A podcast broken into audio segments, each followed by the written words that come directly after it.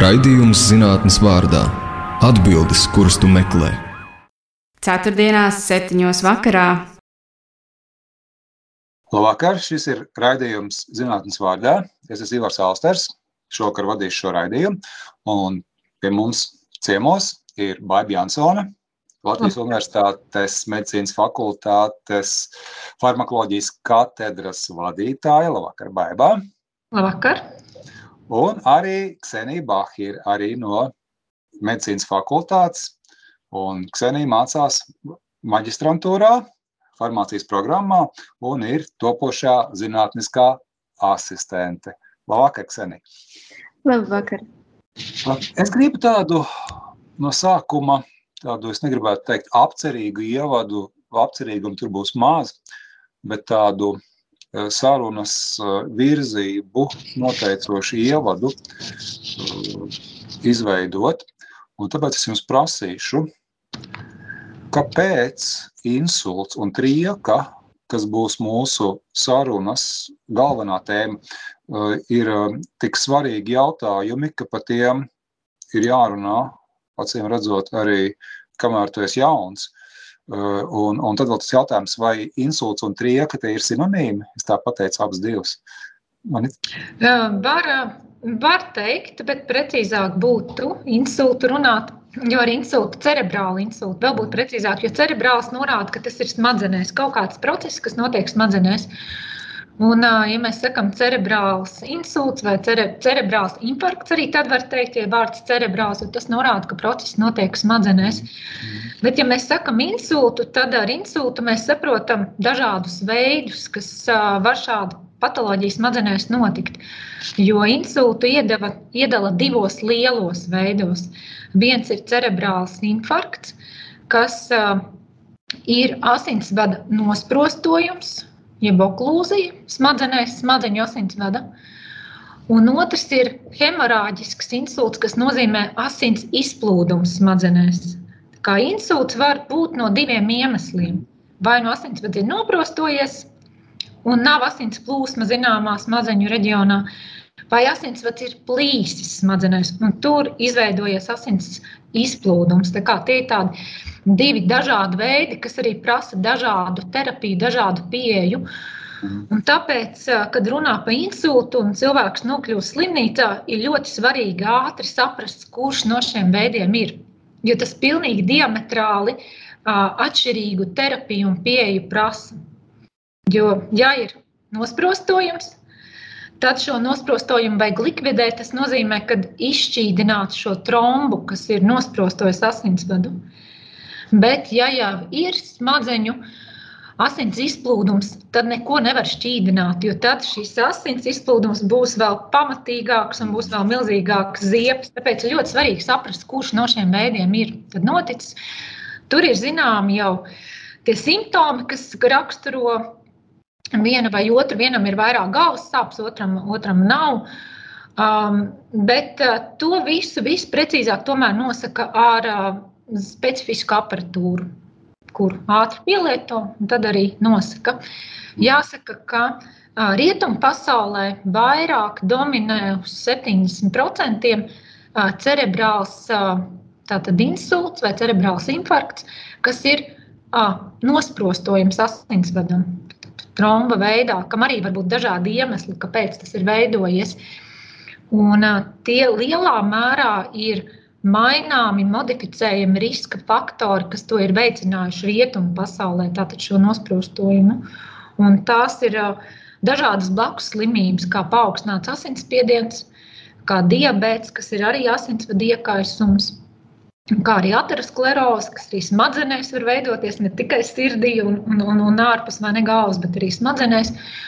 Un tas, tas noved pie tā, ka izveidojās šis um, asinsvada nosprostojums un tālāk mazākā vai lielākā smadzeņu reģionā nepieplūst uh, asinis, tātad neaiziet līdz šiem smadzeņu rajoniem skābeklis, kas ir vajadzīgs, lai nervu šūnas dzīvotu, glikoze, kas ir vajadzīga, lai nervu šūna vispār funkcionētu un apkārtēji esošās gliežu šūnas.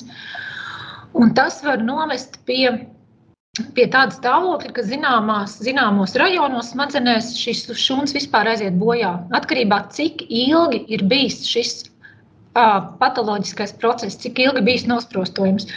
Un tāpēc saka, ka insulta gadījumā ir ļoti svarīgi reaģēt ātri un strauji, ka cilvēkam ir ļoti ātri jānokļūst slimnīcā, lai teiksim, šo trombu ļoti ātri likvidētu un pēc iespējas ātrāk atjaunot asins plūsmu. Mhm. No tā ir atkarīgs, cik tālāk būs nopietnas komplikācijas. Par, par to, cik es saprotu, ir tā jūsu pētījuma programma lielā mērā, par kuru mēs maķinīt vēlāk parunāsim. Es gribu uzreiz Ksenijai pavaicāt, sakiet, kā tur ir?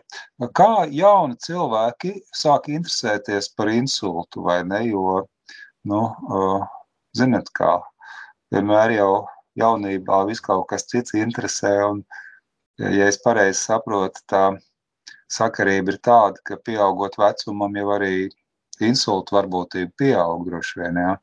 Nu, vecums varētu būt viens no tādiem prognozētāju faktoriem. Kā jūs par to sākāt interesēties? Nu, bet vispār pēc literatūras datiem insults paliek jaunāks un jaunāks. Tas skar, skar jaunākus cilvēkus. Šī lieta man nepatīk, labi, bet es vairs neesmu tik jauns. Jā, jā bet tā nebija, protams, lai, bet, labi, tā nebija mana, uh, mana motivācija, kāpēc es piedalījos vispār pie, šajā pētījumā.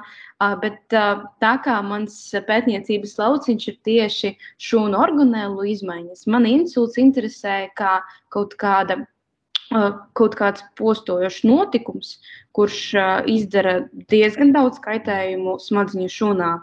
Un man, man interesē, kas vispār notiks ar organēlām, ar mitohondrijiem, kuriem ir ļoti nepieciešams tieši normāls skābekļa pieplūdums. Mm.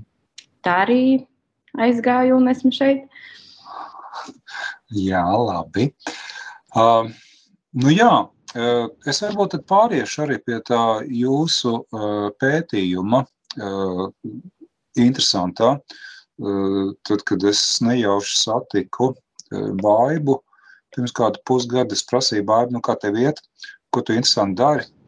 Un, un Baiba man atbildēja, mums ir viens ļoti interesants projekts, mums vēl tagad nav rezultāti, bet pēc kāda pusgada es būtu priecīgi jūs raidījumā pastāstīt, uh, kas uh, ir atklāts. Jā, tad es uh, pastāstīšu, ka tas ir tāds pamatīgs starptautisks projekts. Man uz pirkstiem skaitot sanāk, ka ir piecas valsts iesaistīts, ja, ka ir um, Vācija, Francija, Polija un Spānija. Un Latvija. Nu, kā arī, protams, Latvijas universitāte. Jā. Un, un tas mērķis ir saprast, kas notiek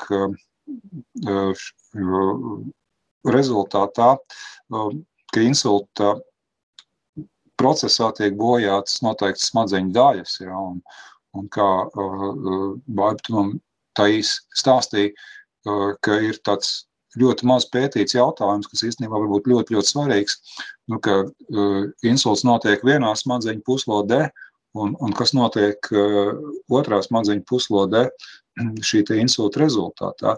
Es, mhm. es pēc šāda ievada lūkšu jūs abas pētnieces, kuras ir čakli strādājuši šajā projektā, pastāstīt, kas Jā. un kādā veidā tas interesantākais tika atklāts. Jā, tātad šis ir starptautisks konsorcija projekts, kas nozīmē, ka dažādi centri ar dažādu kompetenci, atšķirīgām aparatūrām, idejām, ko arī vēl pieliek klāt, saliek kopā, dara vienotu tēmu.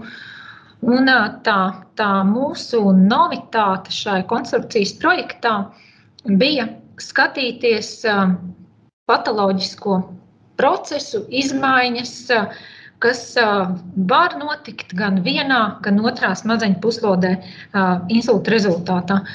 Jo ar insultu ir interesanti tas, ka vairumā gadījumu šis tiksim, cerebrāla infarkta gadījumā Vairumā gadījumu šis asinsvadu nosprostojums ietekmē vienu puslodi. Tātad tā viena lielā, viens lielais as, um, asinsvads ir nosprostojies, un tas ietekmēs vienu smadzeņu puslodes darbību. Uh, Līdz šim pētījumi arī ir vērsti uz to, ka ir izteikti pētīta šī slimā puslode. Bet uh, maz kas ir skatīts salīdzinājumā slimā un veselā, kādi procesi notiek vienā un otrā vienlaicīgi. Un vai, teiksim, veselā puslode kaut kādā veidā var palīdzēt kompensēt slimajai puslodei šos patoloģiskos stāvokļus, uh, vai tieši otrādi neko nevar palīdzēt. Faktiski šādu pētījumu uh, nemaz nebija bijis. Vienmēr tas salīdzinājums ir bijis uh, uh, slima puslode pret veselu tur, individu, veselu to pašu puslodi. Tā bija tāda liela novitāte, ko mēs sākām pētīt uh, pirms četriem gadiem. Un otra lieta, kad mēs šos pētījumus skatāmies arī ilgtermiņā, kā teiksim, insults ietekmē ilgtermiņa prognozi. Un arī tam līdz šim tāda lielāka nozīme nav bijusi pievērsta. Vienmēr ir skatījušies, kas notiek uzreiz pēc insulta. Jo to terapiju jādod ātri, tad ir arī cilvēkiem ir rehabilitācija. Bet kas notiek arī cilvēku ziņā, domājot pēc desmit gadiem, divdesmit gadiem, vai tas stāvoklis uzlabojās, vai ir arī kaut kāda brīža, kad tas var pasliktināties, un kāpēc un kādas izmaiņas to uh, var novest pie šīs pasliktināšanās. Tas arī nebija skatīts. Tātad mums bija divas šīs lietas, ko mēs arī pētījām no dažādiem aspektiem, ļoti tādiem smalkiem un mikroskopiskiem, jo skatījāmies šo sinapsi, tos tās traucējumus, sinapsi smadzenēs. Tas nozīmē divas šūnas, tas satikšanās punkts divām šūnām, kur viņi apmainās ar informācijas molekulām, tādas mikroskopiskas vietas Un, kā jau Ksenija arī minēja, šūnas iekšpusē notiekošus procesus, kas notiek šūnas iekšpusē, kur ir šie mitohondriji, kas ir šūnas enerģijas spēkstacija. Viņa ļauj šūnai dzīvot. Un, ja mitohondrijas nestrādā, mitohondrijiem ir nepieciešams skābeklis un glikoze. Ja to nesaņem, tas nestrādā. Tad cik ilgi var nestrādāt? Arī tas jautājums, vai cik ilgi arī mitohondrijas var tikt ietekmētas pēc insulta. Un, um, strādājām dažādi centri, divi, divi centri Francijā nodarbojās ar šo izpēti. Viens ļoti izcils centrs Spānijā, kur viņiem ir mikroskopi, kur var pa slāņiem pētīt, skatīties, kā notiek šūnu kustība, migrācija, kā, kā šie um, aksoni, kas ir uh, izaugums starp šūnām, kā viņi mainās, savienojās. Uh, Tas, tas, mm. tas būtu cilvēkam, kurš uh, cieš vai ir cietis no šīs konkrētās uh, problēmas, uh, kas viņam notiek galvā. Jā, var skatīties ļoti dažādi. Mēs skatījāmies pārsvarā preklīniski, bet spāņu kolēģi skatījās arī klīniski. Nu, klīniski arī var skatīties dažādi. Var arī skatīties audos, kas ir postmortem. Tātad, ja kāds ir ziedojis savus audus zinātnes vārdā izpētai, tad viņi spēja pa šiem slāņiem pēc tam um, tos sašķēlēt, bet ne burtiskā nozīmē, bet mikroskopiski salikt un izklāt un, un skatīties, kāda tad ir šī ietekme. Tas kaut kā līdzīgi kā, kā magnētiskā rezonanse, vai, vai es nezinu, vai Arī, bet vēl smalkāk. Vēl smalkāk redzot šūnu, organeli, šķiedru, pavisam, pavisam tādā milzīgā palielinājumā to skatoties.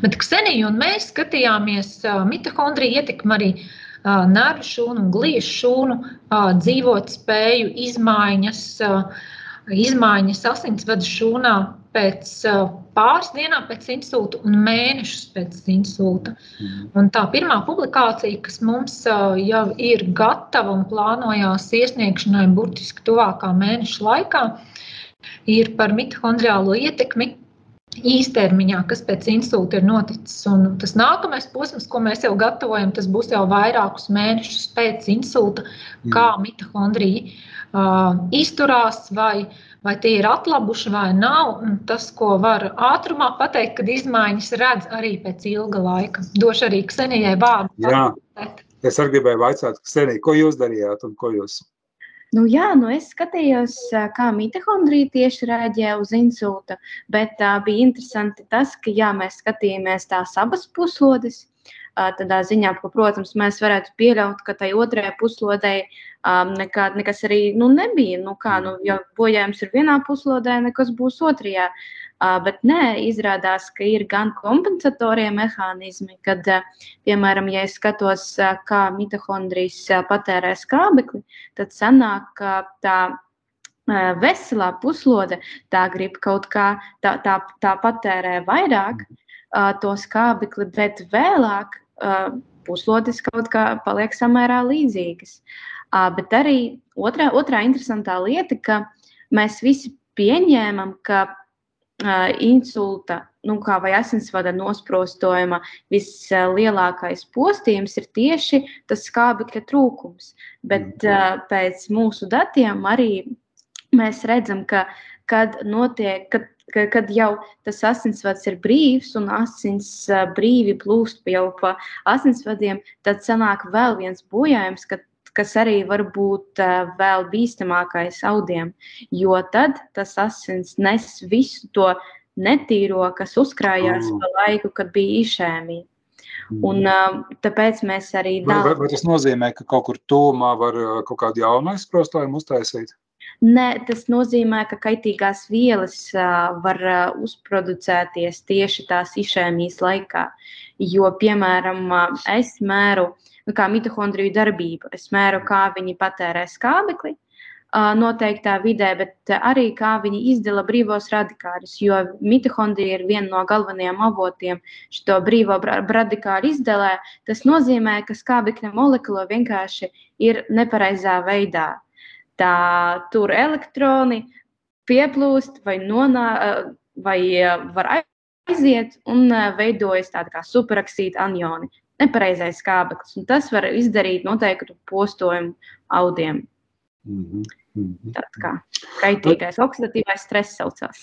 Mēs atgriezīsimies pie pētījuma rezultātiem, bet es gribu pavaicāt, kā tas tā paradoxāli bija noticis, ka šāda ļoti interesanta tēma, nu, vai patiesībā divas tēmas, kā jūs teicāt, gan šī te, kompensatorā lieta, gan arī uh, ilgtermiņa, tas, tas uh, prognostiskais aspekts, uh, ka ilgus gadus tas nebija neviena interesēs, vai visdrīzāk nebija nauda dota. Kā, kā, tas, kā, kā tas nācās, vai ne? Jo šķiet, ka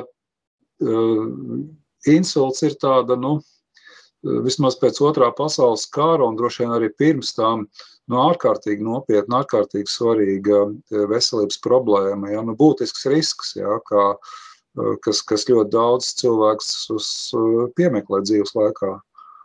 Jā, piekrītu, piekrītu. Un, uh, arī iepriekš teiktais par finansēm īstenībā ir viens no būtiskākajiem aspektiem.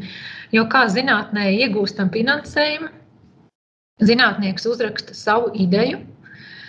Tā ir jāapraksta ļoti labi, lai eksperts pēc tam izvērtējot to, novērtētu gana pozitīvi un augsti, lai tam iedotu finansiālus līdzekļus. Un uh, vēl otra lieta, kad ir jābūt uh, uzsaukumam, uh, teiksim, konkrētai tēmas uzsaukumam, kurā šādu pieteikumu iesniegt. Šai gadījumā, kura šīs koncepcijas projekts uh, tiek realizēts, ir Eranet Neuron. Eranet Neuron tāds liels uzsaukums, un katru gadu tiek uzsauktas jaunas tēmas, kas ir atšķirīgas.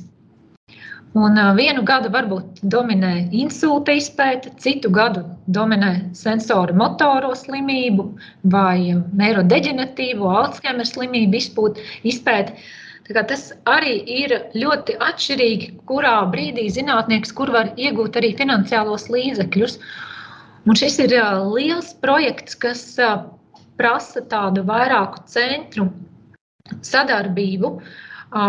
Lielākus finansiālus līdzekļus. Var jau arī šādus projektus pieteikt konkrētas vienas valsts zinātniskā finansējuma uzsaukumā, bet arī tās iespējas uh, izpētīt un plašums būs mazāks. Tāpēc es, es arī domāju, viennozīmīgi tas ir uh, viens aspekts, ir uh, aprakstīt gana labi savu ideju, dabūt finansējumu. Mm atrast īsto uzsaukumu, kur šī ideja iederētos, un, protams, sākt to izpētīt. Un arī zinātnē ir kaut kas viens, uz ko zinātnieki ir koncentrējušies, un reizēm tas kā sniega bumba veļās, un visi pēta un grib vairāk, un sīkāk un smalkāk. Un tad nāk kāda jauna ideja, un tad pagriežās savādāk un, un, un sāk pētīt vēl kaut ko klāt. Tāpēc, lai cik interesanti tā liekas, nav jau tik milzīga dažādība, kā vai ne. Cilvēki uzreiz nemetās tik ļoti daudz dažādās lietās, bet tas kaut kā tā pakāpeniski nāk līdz šim interesē, kas notiek jā, vienā tajā slimajā, bet tagad sāk domāt, ah, kas tad notiek tajā otrā? Tur arī. Jā, arī, arī, arī medicīnas pētījumos mode ir diezgan svarīga lieta, ja es pareizi saprotu. Mm, jā, jā. Jā, un arī doma, kā zinātniskā doma aiziet, mēs zinām daudz jau kaut eh, daudz datus, rezultātus par šo bojāto smadzeņu puslodi. Bet pagaidi, taču arī otra, kā tad viņa reaģē. Un tad kaut kādā brīdī kādam šī doma iešaujās prātā, raksta projekta pieteikumu un konkurē par līdzekļu iegūšanu. Jā, šis tāds, manuprāt, izsmeļošs ievads par pētījumu programmu Es atgādināšu, ka, ja jūs tagad sākāt klausīties šo raidījumu, ka tas ir zinātnes vārdā, un mums šoreiz ciemos ir Baiba Jansona, katedras vadītāja, farmakoloģijas katedras vadītāja medicīnas fakultātē profesore un Ksenija Bahira arī no medicīnas fakultātes, no maģistrantūras farmācijas nozarē. Uh, maģistratūras studente un topošā zinātniskā asistente un Baiba. Un Ksenija mums stāstīja par savu darbību vienā starptautiskā projektā, kur, kur ietvaros viņas pētīja un, cik es saprotu, vēl turpina darboties šajā projektā, kur uzsvars ir saprast, kas notiek uh, insulta gadījumā smadzeņu ves, veselajās daļās, kādā veidā šīs daļas miedarbojas. Šis ir redzējums zinātnes vārdā. Es esmu Ivars Alsters. Šokar mēs sarunājamies ar divām pētniecēm no Latvijas Universitātes medicīnas fakultātes ar Baibu Jansonu. Labvakar! Jā, labvakar vēlreiz Baiba. Un ar uh, Kseniju uh, Bahiri. Labvakar, Ksenija vēlreiz. Labvakar. Mēs no sākuma izrunājām šos svarīgos jautājumus, kāpēc vispār uh, insultu ir svarīgi pētīt. Un uh, jūs pastāstījāt par sava projekta nu, tādiem pamat uzstādījumiem. Un, es varbūt tagad gribētu dažus precizējošus jautājumus uzdot. Un viens no precizējušiem jautājumiem ir, kā tur īsti ir ar to veselo daļu miedarbību. Uh, Jūs par to stāstījāt vairāk kā par tādu nu, terrēnu kognita, ja, ka tas līdz šim ir tāds lielā mērā nezināmais, nezināmā telpa, ja, nesaprastā teritorija bijusi. Un, un jūs stāstījāt arī par miedarbības tādu bioloģisko paternu, ja, bioloģisko kaut kādu formu, kā tas miedarbojas. Bet Ko tas nozīmē nu, tādā nezinātniskā vai mazāk vai populāra zinātniskā uh, valodā? Ja? Kā miedarbojas šies, šīs divas daļas? Nu, tātad smadzeņu daļa, kur ir bijis vai nu nosprostojums vai asins izplūdums, un tāpēc ir radušies kaut kādi funkcionāli traucējumi cilvēkam. Uh, un, un tām daļām, kuras ir palikušas neskārtas, ja, nu, ko tas nozīmē no tāda nu, pacientu viedokļi, no cilvēku viedokļu, kuru nelaimīgā kārtā ir piemeklējuši šis insults? Jā, nu, runāšu tā ļoti vienkārši, jo mēs neesam ārsti, mēs esam zinātnieki. Bet arī kā zinātnieki mēs varam nedaudz vienkāršotā veidā to komentēt un aprakstīt. Un jāiesāk vēlreiz ar to, ka kardiovaskulārās slimības ir galvenais nāves cēlonis būtībā visā pasaules populācijā, kas no mums ir. Tas ir pirmais un galvenais. Un insults tā skaitā ir viens no, viena no tām slimībām, kura paņem visvairāk dzīvības, un otrs iemesls, kura visvairāk rada sekas kā invaliditāti. Mm. Un, mēs pētām tieši išēmisku insultu, tas nozīmē šo asinsvadu aizprostojumu. Tātad tas primārais objekts ir asinsvads, bet asinsvads ietekmē arī nervu šūnas. Un nervu šūnas ietekmē pārējo orgānu darbību organismā, muskuļu darbību. Tāpēc insulta pacientiem Jo, teiksim, jo ilgāk ir bijis šis asinsvadu nosprostojums, jo lielākas sekas var būt uh, uz citām uh, organismu vitālām funkcijām. Teiksim, uz uh, kustību, spēju staigāt, spēju kustināt rokas, spēju vispār paēst, spēju um, muskultūru mīmiku, sejas mīmiku mainīt. Un, uh, teiksim, sākotnējā lai vispār saprastu, vai cilvēkam ir insults vai nav insults, vai vajag reaģēt, vai kas vispār notiek, ir tas saucamais, saucamais veids, kā reaģē. Angliski tas ir act, act fast, latviski tas ir ātri, un tas nozīmē ātri, tas būtu atsmaidi. Cilvēkam, ja ir aizdomas, ka viņam kaut kas notiek, viņam lūdzu pasmaidīt, vai viņam vispār kustās sejas mīmika. Tuburts nozīmē turi, pacelt rokas uz augšu, vai abas rokas var vienmērīgi pacelt. Kā strādā viena muskuļu daļa vienai ķermeņa pusē un kā, kā otra, vai tas ir vienmērīgi. Airburts nozīmē runāt, vai vispār var parunāt, jo bieži ir stāvoklis, ka cilvēks nevar atbildēt vairāk. Un tas īburts nozīmē izsauc, kad, ja jūti, ka tam pirmajām trijām lietām nav ritīgi, tas izsauc momentā ātrā palīdzību. Tas ir tas pirmais, kā, kā, kā reaģē. Nokļūstot slimnīcā ļoti ātri, tad iepriekš jau stāstīja, kā diagnosticē un kā rīkojās. Un tā terapija sākumā jau ir diezgan skaidra, ko darīt. Kas varbūt ir sarežģītāk un kāpēc arī mēs pētām, kad īsti nav zināms, cik ilgtermiņa sekas uz organismu var atstāt šāds viens insulta gadījums. Vai mums ir jāuztraucās par šo cilvēku tikai gadu, piecus viņam ir jāatrādās jādomā par savu veselību. Ļoti, protams, tur būs rehabilitācija un vis, visādi citi pasākumi. Vai tomēr insults var atstāt arī sekas uz organismu vēl 10 un 20 gadus, un varbūt šīs sekas var būt viņveidīgas. Tas ir tas, ko mēs gribam pētīt, un ko, ko arī pētījumi mēdz parādīt, ka tāds viens ļoti nopietns gadījums var nest uh, pēc sākotnējas intensīvas terapijas, rehabilitācijas var nest ļoti labus rezultātus. Un tad kaut kā tas atkāpjas, cilvēkam liekas, viņš jau ir apārstējies, viss kārtībā, tālāk mierīgi dzīvo, bet varbūt tādi viņveidīgi. Vai, vai, vai tas nozīmē, ka var parādīties vecie simptomi pie nosacījuma, ka nav notikušas tur atkārtotas izmaiņas tādā aizprostojuma nozīmē smadzenēs? Varbūt arī tas, tie, protams, nebūs tik intensīvi un tādi kā insulta gadījumā, bet varbūt zināmas patoloģiskas novirzes, teiksim, mitohondrija tomēr nefunkcionē ilgstoši.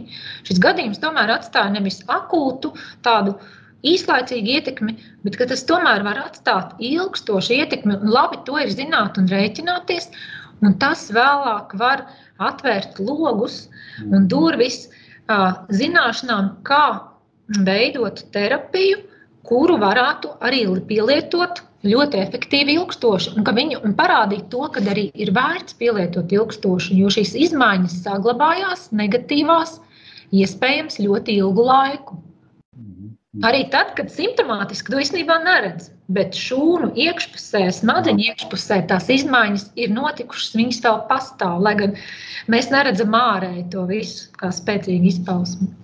Vai arī cilvēkam pašam nešķiet, ka, ka ir vēl problēmas. Es pieņemu, ka arī adaptācija norit, nu, ka tu pierodi, tu iemācies dzīvot savādāk.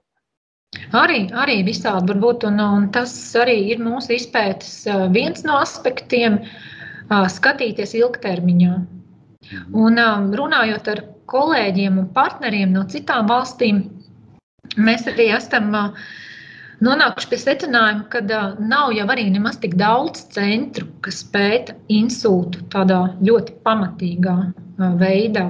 Nav, nav jau nemaz tik daudz. Vai, vai tas nozīmē, ka vienkārši tagad ir kaut kāds nu, ātrais risinājums, pietiekami labi izdomāts, nu, teiksim, ko slimnīcas, ko medicīnas iestādes dara, saskaroties ar no insulta cietušiem cilvēkiem, ka ir tāds, tāds šķitums, ka tur vairāk neko nevajag pētīt, ka viss zinās? Jā, ātrais risinājums ir un ļoti efektīvs. Un, un pat divu veidu. Viens ir medikamenti, kas šķīdina trombu. Otra iespēja ir mehāniski šo trombu izņemt tādas mikroķirurģijas veidā un to, to realizē. Bet, jā, kas pēc tam, vai tiešām tas cilvēks jūtās pēc tam labi savā dzīvē gadiem ilgi, nu, par to tāda liela pārliecība nav līdz šim. Un pie tā mēs strādājam, lai saprastu, kā tad īsti ir. Un, ir jā, jau kaut kādi, kaut kādi sākotnējie nu, rezultāti arī par šo tēmu. Jo projekts ir laikam četrus gadus, ja es pareizi saprotu. Kopumā. Četrus gadus, jā. Četrus gadus un pētīt var vēl ilgāk, jādabū nākamie finansējumi. Tas, ko Ksenija sāk stāstīt, mums būs ļoti intriģējoši dati par mitohondriju darbību arī ilgtermiņā. Mm. Tie būs ļoti interesanti. Tos publicēsim arī tuvākā gada laikā, kas parāda, ka ir šī ilgtermiņa ietekme uz mitohondrijiem, ka viņi nemaz tā neatgūstās.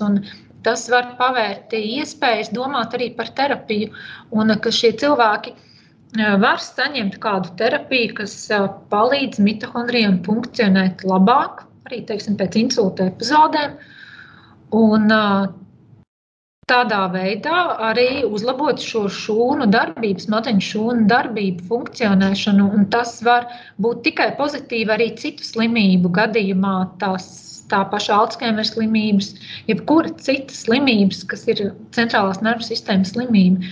Jo, ja mitohondrijas nestrādā kā vajag, tad nervu šūna nestrādā īsti atbilstoši. Jā, Ksenija. Arī ļoti interesanti, ka nesen um, atklāja, ka šūnas var dalīties ar mitohondrijiem. Un tas arī ir svarīgs aspekts, ka nav. Ko tas tā... nozīmē? Paskaidrojiet, tas izklausās ļoti intriģējoši. Uh, jā, tas ir tā, ka ir, uh, ka mitohondrija un šūnas var sūtīt signālus noteiktām smadzeņu šūnām, un tad pa nervu galiem tad sanāk, ka tie mitohondriji var ceļot. Un tad, tad tas ir tas mehānisms, ar kuru var būt atjaunojas audi. Tādā ziņā, ka ja, ja, nu, ja sajūt, ka kaut kādos audos ir bojājums, tad tur gājuši bojā visi mitohondriji, enerģija nevar tikt ražota, tad enerģijas pārdale notiek vienmērīgi un kaut kā šūnas mēģina izdzīvot. Tas ir ļoti interesants mehānisms. Mm -hmm. Bet nu, tā brīdī, kad tā spēka nepietiek, reizēm ir vajadzīga palīdzība arī no ārpuses. Tas jau ir atkal farmakoterapijas uzdevums. Ir svarīgi zināt abus posmus, svarīgi zināt, kā organisms strādā, reaģē fizioloģiski, tad, kad jūtas vesels, vai arī tad, kad jūtas slims.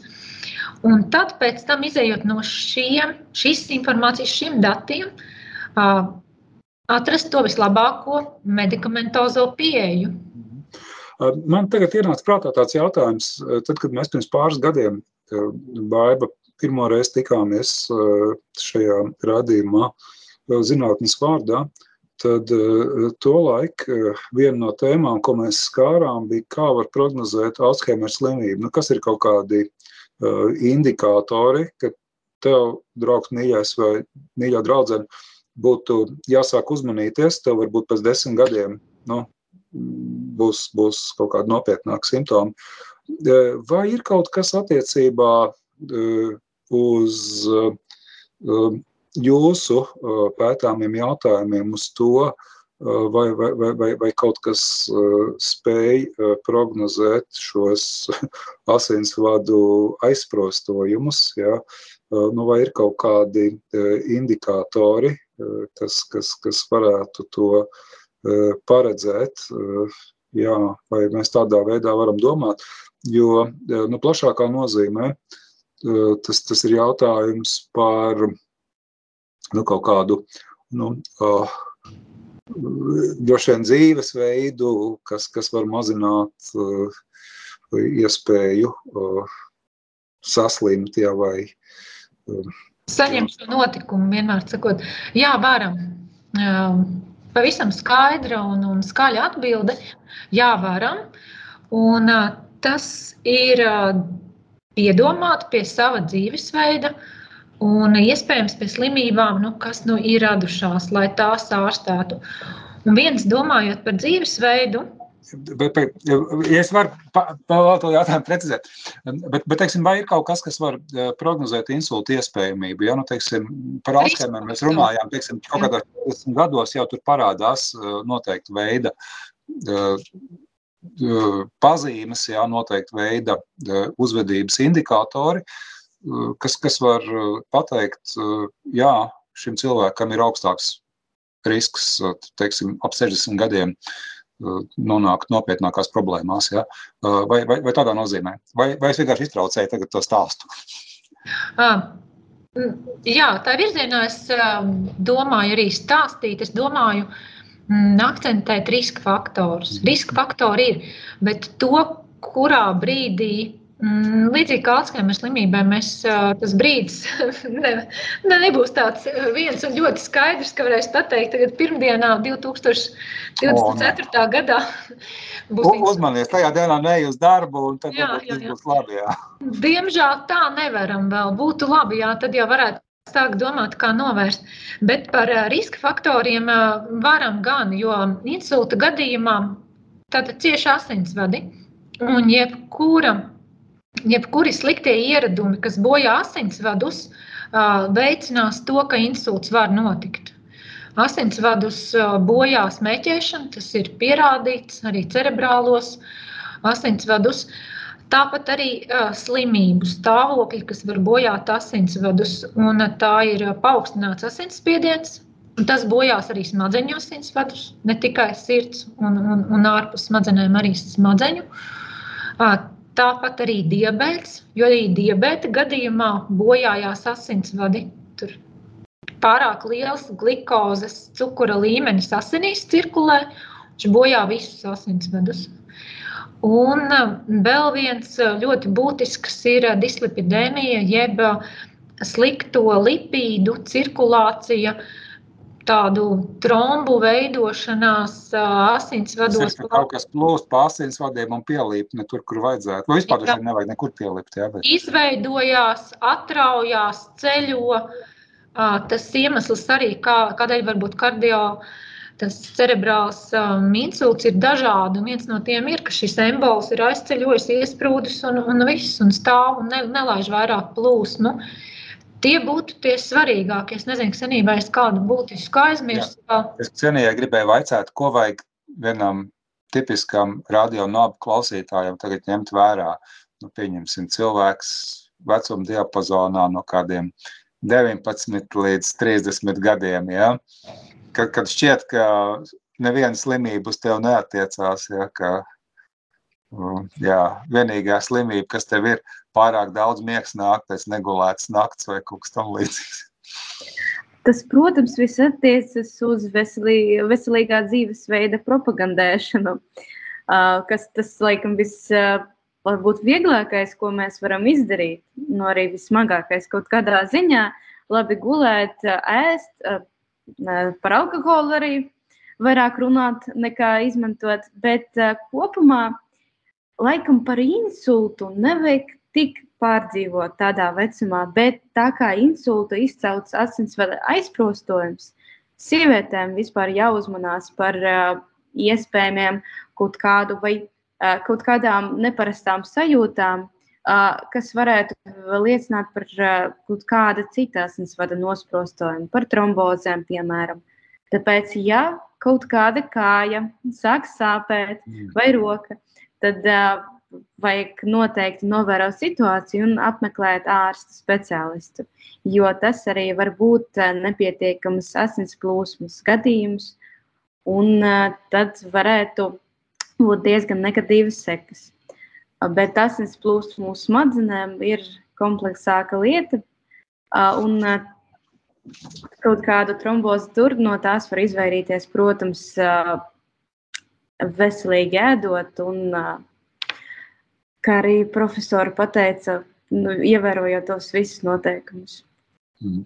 Bet kā ir? Es burtiski pirms pāris dienām, man būs grūti tagad vēlreiz atrast, bet kaut kur bija internetā rakstīts, ka labākais vingrinājums, kurš samazina insultu risku, ir pietupieni ar svaru bumbu rokā. Ļoti specifiski.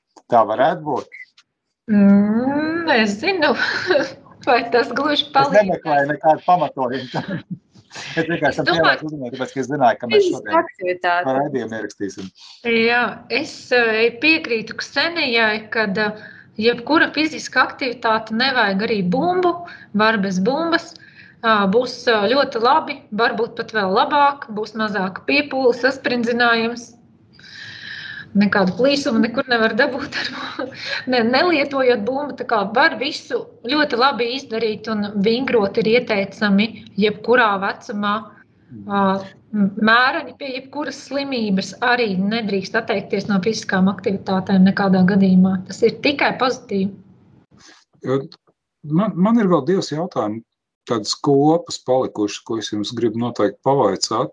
Un viena ir tāda, ka reiz par reizē gadās dzirdēt, tā mūsdienu sabiedrība, dzīvesveids, dzīves ritms ir ļoti slikti attiecībā pret um, noteikt, noteiktām veselības pro, problēmām, nu, tā skaitā pret, pret insultu. Tā ir taisnība vai nav? Nu, teiksim, kāda ir tā uh, klīniskā aina, saslimšanas biežums, nu, varbūtība, jebkuram atsevišķi ņemtam cilvēkam palielinās uh, nu, teiksim, pēdējos 20, 30 gados? Man liekas, ka samazinās tomēr. Saslimtība var būt nē, drīzāk iespējas izglābties no komplikācijām un no nāves samazinās. Jo tomēr mums Latvijā arī medicīnas šīs insulta vienības pieejamība medicīnai šādā smagā situācijā ir ļoti pieaugusi tā iespēja, ka mēs varam saņemt palīdzību. Tas, tas būtu tā, ka tā, nu, tā varbūtība saslimt ir daudz maz konstanta, jā, bet uh, ir pieaugusi palīdzības kvalitāte. Jā. Jā, es domāju, drīzāk tā, jo teiksim, tie riska faktori, ko es nosaucu, kas ietekmē, ka var būt insults, un viņi diezgan ir, ir spēcīgi, tātad diabēts, aptaukošanās, arī asinsspiediens, tas jau ir ļoti daudz mums populācijā. Kā, kā ir? Nav, nav, nav tā, ka tā ir tāda uh, mazāk attīstīta sabiedrību uh, slimība, jo nu, parasti tas, tas, tas dzīves līmenis jau iet roku rokā ar, ar veselīgāku dzīvi, nu, ņemot vērā visus šos uh, jūsu nosauktos uh, rādītājus. Ja, jo nu, cilvēki, kā viņiem parādās zinām labklājību, viņi var atļauties domāt par veselīgāku pārtiku. Viņiem nav jāuzkrāj tauku rezerves rītdienai. Nu, tā evolucionāri skatoties arī, vai nepieliekot klāt. Viņiem varbūt ir vairāk resursi, lai atļautos ārpus naudas pelnīšanas laika arī kustēties. Nu, tas, ko jūs sakat, ka ir jākustās. Jā. Nu, ja vien tas nav fiziskais darbs vai zarklieta, jā, kas droši vien arī ir kā, otra dimensija, ka Mm -hmm. Tur retāk būt sastopama. Vai, kā, vai, vai, vai, vai šajā e, virzienā ir kaut kas tapis skaidrāks arī? Es pateikšu savu domu, un tad, kad Sanī varēs to savu, no savu skatījumu, no savas puses. Es domāju, ka ļoti pareizi izskanēja manā skatījumā, ļoti pareizi izskanēja šis teikums, ka varētu domāt. Mm -hmm. Varētu domāt, visi par to domā. Bet vai tiešām dara kaut ko veselīgu? Mēs pārvietojamies ar automašīnām, mums gandrīz katram viņa ir. Tad mēs domājam, ka vajadzētu iet uz zāli, bet mēs nevienmēr aizejam. Tad mēs domājam, ka varētu nēst šo kūciņu, bet apēdam jums ļoti garšīgs kūciņš Latvijā taisa. Un Tā drīzāk īstenībā ir tā rietumu pasaules visa pieejamība, ka mums viss ir, mums ir grūti atteikties, mums ir tehnoloģijas, mums ir uh, daudz kā garšīga, un tas ir pieejams vienmēr un daudz. Un, un ļoti daudz, līdz ar to mēs redzam šos adipozos cilvēkus jau arī Latvijā, kas agrāk nebija pirms 30 gadiem, tik, tik varbūt tādā procentuālā ziņā. Un es teiktu, ka tā labā doma jau cilvēkiem ir. Zināšanas, kas ir veselīgi, ir, bet uh, iztrūkst uh, tā, tā motivācija atrast to laiku. Es to arī par sevi varu runāt. Kaut gan tagad es esmu atradusi laiku, kad reizi nedēļā nekad neizlaižu, eju sportot. Nākamais būs jāatrod motivācija darīt divreiz nedēļā. Tas drīzāk ir, ir, ir cilvēkiem patiešām ne tikai domāt, bet arī izdarīt to veselīgo savam organismam, savai veselībai, lai šie riski mazinās. Jā? Jā, es piekrītu visam teiktam, bet vispār gribētu vēl pieminēt, tā kā mums ļoti daudziem ir darbs pie datora, ir ļoti svarīgi novērot, ievērot pareizu, pareizu pozu, jo bieži vien cilvēkiem tiek saspiesti kakla muskuļi, un tur arī atrodas asinsvadi. Un tad tā asins plūsma var samazināties tieši uz smadzenēm. Bet, un tad sanāk tā, ka jo vairāk cilvēks strādā ļoti nērtā un neveselīgajā pozā, tad jo mazāk sanāk skābekļa pieplūdums smadzenēs. Un, ja cilvēks nesporto un nestiepjas muskuļus, tad tā produktivitāte var samazināties un arī riski palielināties. Tāpēc ļoti būtiski saglabāt visur balansu un uh, iet sportot, veselīgi ēst, bet arī jā, tie, tiešām novērot uh, savu pašsajūtu. Zūms spiež uz smadzenēm. Jā, jā. jā. Intelektuāls darbs arī savā ziņā ir jāspēj dozēt. Jā, un te pavērās pilnīgi cita raidījuma tēma, kā cilvēkus piespiest ar vai bez pēdiņām izkustēties. Jā, vienmēr te būs tas kompromiss. Jā, un piespiest pirms brīža, kamēr viņam ir palicis slikti. Mm -hmm. Droši vien, ka tā, tā ir viena no visbiežāk dzirdētajām frāzēm nu, ja es tagad varētu otrais darīt visu, kas ar mani ir noticis, es darītu krietni, krietni savādāk. Ja. Jā, piekrītu. Un joprojām es domāju, ka skolas varētu daudz ko darīt. Arī, man liekas, jau ievirzot skolniekus, vēl mērķtiecīgāk vidusskolniekus. Tur, man liekas, arī lauciņš pavērās stāstīt par par, par šo. Jo skola ir tā vieta, kur visi vēl klausās, mācās, pēc tam katrs aiziet savā dzīvē un darbā. Un, un arī stundas ir īsākas un izskaidrās starpbrīžos. Jā, tieši jā. tā. Jā, vēlējos arī pateikt, ka pētījumus institūtu jomā, ko mēs veicam medicīnas fakultātes farmakoloģijas katedrā, ir iesaistīti mūsu visu katedras darbinieki, zinātnieki kas katrs nes savu pienesumu, lai mēs visi kopā varētu nest Latvijas universitātes vārdu tālāk jau Eiropas un pasaules zinātnieku kopienā. Es gribēju pateikt paldies visiem kolēģiem no farmakoloģijas katedras, kas ir savu ieguldījumu veikuši insultu izpētē.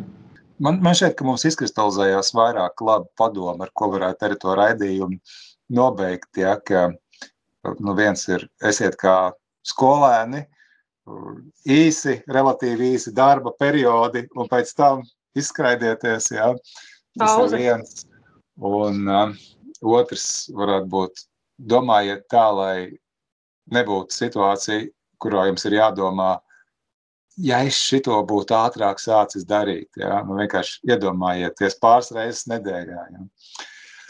Uh, labi, paldies jums. Es uh, teikšu paldies abām uh, raidījuma zinātnes vārdā uh, viešņām šovakar, uh, profesorai Baibai Jansonai no Latvijas Universitātes medicīnas fakultātes farmakoloģijas katedras, Baiba ir šīs katedras vadītāja, un Ksenijai Bahirei, arī Latvijas Universitātes medicīnas fakultātes topošai zinātniskai asistentei, un Ksenija šobrīd mācās maģistrantūrā farmācijas programmā. paldies jums par, Jā. par sarunu un par, es domāju, ļoti nozīmīgo ieskatu uh, insulta jomā. Un, kā, kā Ksenija teica redzījuma sākumā, par insultu jāsāk. Ja nedomā, tad vismaz zināt arī, kamēr tu esi jauns un studentu vecumā. Ja? Jā, paldies jums! Un Jā. raidījumu šoreiz vadīja Ivars Alsters. Tiekamies citā raidījumā. Paldies! Raidījums zinātnes vārdā - atbildes, kuras tu meklē. Ceturtdienās, septiņos vakarā